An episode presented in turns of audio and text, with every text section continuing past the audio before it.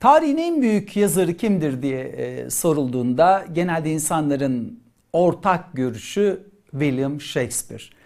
Tiyatro diye ayrıca sormanıza gerek kalmadan herkesin aklına Shakespeare e, gelir. Shakespeare'i büyük yapan nedir? Bu konuda onlarca onlarca e, kitap yazılmış. Türkçe'de de epey bir e, çeviri de var. Çalışma yapanlar da e, var. Ama son yıllarda çok hızlı yükselen bir şey var. Shakespeare diye biri gerçekten yaşadı mı? Bu konudan yoğun şüpheler var. Ya da yaşadıysa bile bu kitapları o mu yazdı? Eğitimi, kültürü Shakespeare olduğu iddia edilen kişinin hayatıyla örtüşmüyor. Dolayısıyla işte e, çok çeşitli iddialar e, var. E, Shakespeare'in kim olduğuna e, dair Latince bilgisi, tarih bilgisi, antik Yunan ve Roma e, bilgisi e, çok yüksek. Dolayısıyla ancak bir aristokrat olabileceğini, o dönemin e, sıradan insanlarının buna ulaşamayacağını iddia eden akım giderek güç kazanıyor, giderek artıyor. Ama Shakespeare diye birinin yaşadığını e, düşünerek yazılan çok da güzel kitaplar var. Bunlardan bir tanesi Stefan Grimblatt'ın Shakespeare Olmak can yayınlarından çıkmış Cem Alpan tarafından çevrilmiş bir kitap. Eğer Shakespeare seviyorsanız hararetle ve hararetle öneriyorum. Kitap çok güzel bir e, şekilde bizi Shakespeare'in eserlerinden tam olarak tarihlerini e, birçoğunun bilmiyoruz. Hani hangisi önce hangisi sonra çünkü e, Shakespeare'in sağlığında basılmıyor eserleri. Onların gelişim süreçlerini ele alarak, eserin içinden bölümler ele alarak bize Shakespeare yolculuğu yapıyor. Shakespeare'in içine nüfuz ediyoruz. Shakespeare kitaplarının içine gerçekten e, gidiyoruz. Örneğin benim çok sevdiğim e, yani belki de kişilik olarak Shakespeare'den çok daha fazla sevdiğim Marlowe bir serseri, acayip bir e, adam. Gerçekten e, çılgın bir hayatı e, var. Eserleri de çok ilginç. Marlowe Shakespeare'le çok kıyaslanır. Shakespeare ol, Marlowe olmasaydı Shakespeare olabilir miydi denir. Kitabın 183. sayfasında çünkü konuların önemli kısmını Marlowe'dan esinlenmiştir Shakespeare. Marlowe onunla aynı yılda 1564'te bir taşra kasabasında doğmuştu. Varlıklı bir centilmenin değil de orta karar bir zanaatkarın, bir ayakkabı ustasının oğluydu. Marlowe olmasaydı da Shakespeare oyun yazardı kuşkusuz. Ancak o oyunlar kati surette başka türlü olurdu. Haliyle kariyeliyle ilgili hayati önemdeki kararını sadece aktör olarak yaşamama, aynı zamanda da oynamakta olduğu sahne için yazma kararını Marlowe'un etkisinde almış gibidir e, diyor yazar. Gerçekten de Marlowe olmasaydı Shakespeare gene oyun yazardı. Gene büyük bir yazar olabilirdi. Ama o yazdıkları kesinlikle bu yazdıkları olmazdı. Buna ben de yürekten e, inanıyorum. Ve bir başka önemli e, ya, e, noktayı da hemen e, söyleyeyim. E, diğerlerinden bazıları da vakaynamelerden faydalanıp İngiliz tarihiyle ilgili oyunlar karalamaya başlamıştı. Ancak Shakespeare'in başardıklarına bir tek Marlowe yaklaşabildi. Bu da iki yazar arasındaki o önemli noktayı bize e, gösteriyor. Şimdi e, Shakespeare'in Shakespeare yapan şeylerden biri nedir diye bana sorsanız ben size derim ki Shakespeare insan ruhunu bir dantel gibi işler. İnsan ruhunun içine adeta nüfuz eder.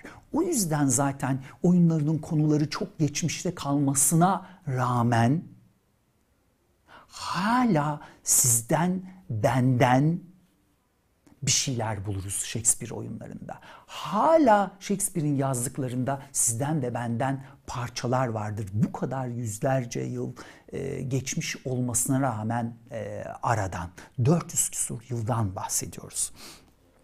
Bu nedir? Bunun en büyüklerinden e, birinin e, ne olduğunu e, şöyle e, söylüyor e, Stefan Grimblad. Diyor ki eğer Shakespeare 1600 yılında ölmüş olsaydı başarısında herhangi bir eksiklik olduğunu, hele hele henüz gerçekleştirilmemiş herhangi bir şeyin eserlerinde mayalanmakta olduğunu tahayyül etmek oldukça güç olurdu. Shakespeare iç dünyayı temsil etme yollarını mükemmelleştirmişti. İşte Hamlet'ten itibaren Macbeth'le beraber giden bir zirve burası. Peki nerede e, başlıyor? Daha 1592 yılında yazdığı 3. Richard oyunundan bir bölüm, e, bir pasaj almış e, yazar. Diyor ki o ee, üçüncü Richard o harikulade unutulmaz ana karakteriyle muazzam bir enerjiye ve etkileyiciliğe sahiptir. Ancak o karakter gecenin bir vakti iç dünyasında neler olduğunu ortaya serdi mi tuhaf bir şekilde cansız ve yapaydır. Vakit tam gece yarısı, titriyor her yanım, soğuk terler döküyorum. Neden korkuyorum ki? Kendimden mi? Burada başka kimse yok ki. Richard, Richard'ı sever. Yani ben benim. Bir katil mi var burada? Hayır.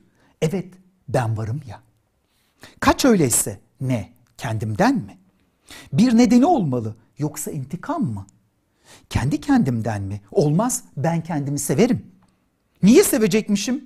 Hayrım mı dokundu kendime? Ah hayır yaptıklarımdan ötürü kendimden nefret ediyorum. Alçağın biriyim ben. Yok hepsi yalan alçak değilim. Burada ne görüyoruz? Bir monolog görüyoruz. Kendi kendisiyle bir hesaplaşma görüyoruz. İşte bunu daha sonra Shakespeare bir zirveye taşıyor. Hamlet'te, Macbeth'te, büyük trajedilerinde.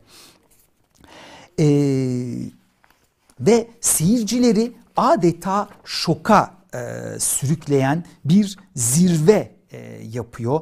İç monologlar işte e, Julius Caesar'da da gördüğümüz o iç e, monologlar bambaşka bir yere e, geliyor. Shakespeare onları bambaşka bir e, yere e, taşıyor. İkinci Richard'dan e, itibaren. Çok başka sanki birisiyle konuşurmuş e, gibi bir yer e, orası e, ve bu da tabii Shakespeare'in e, büyük olmasının, eşsiz olmasının e, nedenlerinden biri. Örneğin Julius Caesar'da Brutus'un kendisiyle konuşmasına e, bakalım. Sanki karakteri ikiye bölünmüş. İki kişi gibi tıpkı az önce ikinci Richard'da gördüğümüz gibi. Şöyle e, bir bölüm var. Korkunç bir şeyin yapılmasıyla ilk adımın atılması arasında geçen zaman bir kabus, bir korkulu rüya gibi bir şey. Düşünce bedenin ölümlü organlarıyla danışıp tartışıyor sanki bu arada ve tek başına insan küçük bir krallık gibi iç savaş buhranları geçiriyor. Bakın çok acayip bir benzetme. Ve tek başına insan küçük bir krallık gibi iç savaş buhranları geçiriyor. Nedir o iç savaş buhranları? Brutus'un bir karar vermesi gerekiyor. Nasıl bir karar? Sezar'ın ölmesi, öldürülmesi ya da öldürülmemesi. Kendi kendine evinin bahçesinde gezinirken tıpkı ikinci Richard gibi bir monolog yaşıyor. Kendi kendine konuşuyor. Ölmesi gerekiyor. Başka yolu yok. Benim hiçbir çıkarım yok ona saldırmakta. Halkın yararından başka. Taç giymek istiyor. Ne değişiklik yapar onda bu? Kestirmek mesele. Kara yılanı parlak günler çıkarır ortaya. Adımını sakınarak atar insan o günlerde. Taç giymek ne demek? Kendi kendisine, kendi kendini hazırlıyor. Tıpkı daha sonra söylediği gibi tek başına insan küçük bir krallık gibi iç savaş buhranları geçiriyor. Kendi kendine bu iç savaş buhranlarını e, yaşıyor ve işte o e, buhranlar her yerde e, izini e, gösteriyor. Hamlet'te, Macbeth'te kendi kendine e, o e, tartışmayı e, görüyoruz. O iç buhranları görüyoruz. Shakespeare'in daha sonra büyük trajedilerinden Kral Lear'da yaptığı bir şok daha var. Seyirciyi yeni bir şoka e, taşıyor. E, nedir o şok? Onu da hemen gene kitaptan size okuyayım. Oyunun sonunda yok oluş Lira tahayyül ettiğinden daha da korkunç bir biçimde gelir. Kraliçenin oyuncularının, Shakespeare'in dahil olduğu kumpanya, repertuarındaki o eski oyun ve hikayenin diğer versiyonları Lear'in Cordelia ile barışması ve tahta yeniden çıkmasıyla sonlanır. Shakespeare'in o zamanki seyircileri bu tip neşeli bir son beklemiş. Örneğin oyunun son anlarında yaşlı kral Lear'ın öleceğini ve tahta erdemli kızının çıkacağını sanmış olmalıydılar. Öngöremeyecekleri Shakespeare'in Cordelia'nın zaferini yani tüm anlatıya hakim olan ahlaki anlayışın kanıtını kesip atacağı hatta hatta çaresiz kralı katledilmiş kızını kucağında tutup acı içinde inler bir halde betimleyeceğiydi. Çünkü seyirciler ne bekliyorlar? Haklı olan, erdemli olan, iyi olan hep kazanır sonunda kıyamet günü mü geldi diye sorar tanıklardan biri. Herhalde seyircilerin hissetmekte olduğu şaşkınlığı dile getirerek oyunun bu benzersiz doruk noktasında ölmekte olan kral kızı Cordelia'nın hala yaşıyor olduğuna dair sanrılı bir ümitten oldu öldüğünü fark etmenin yarattığı o kasvetli karanlıkta gidip gelirken her yanda hüzün, karanlık ve ölüm belirsizlik olarak adlandırdığımız teatral etki sanki gerçekle örtüşür. Hayır, hayır, hayır. Hayat izi görülmüyor der. Kral Lear. Bir köpek, bir at, bir fare yaşasın da sende bir solukçuk hayat niye bulunmasın? Seni asla bir daha göremeyeceğim. Asla, asla, asla, asla, asla trajedinin doruk noktasında tasavvur edilmiş insanın çocuğunu kaybetmesinin nasıl bir şey olduğunu anlatan bu sözler Shakespeare'in tüm eserleri içinde yazdığı en acı dolu dizelerdir. Peki Shakespeare bunu neden yazmıştır? Eğer Shakespeare bizim bahsettiğimiz kişi ise kısa bir süre önce oğlu, ümidi, varisi Hamlet'i kaybetmiştir. Hamlet. Ondan yazmıştır diyor kitap. Hamlet, Hamlet. Bunu da ileriki bölümlerde gene dokunuyor. Shakespeare'in olduğunun adı Hamlet'ti Ziya. Shakespeare olmak. Stefan Grimblatt'ın can yayınlarından çıkan ve Cem Alpan çevirisiyle hazırladığı bir kitap. Bir insan nasıl Shakespeare olur? Nasıl edebiyatın dahisi devi hizasına yükselir?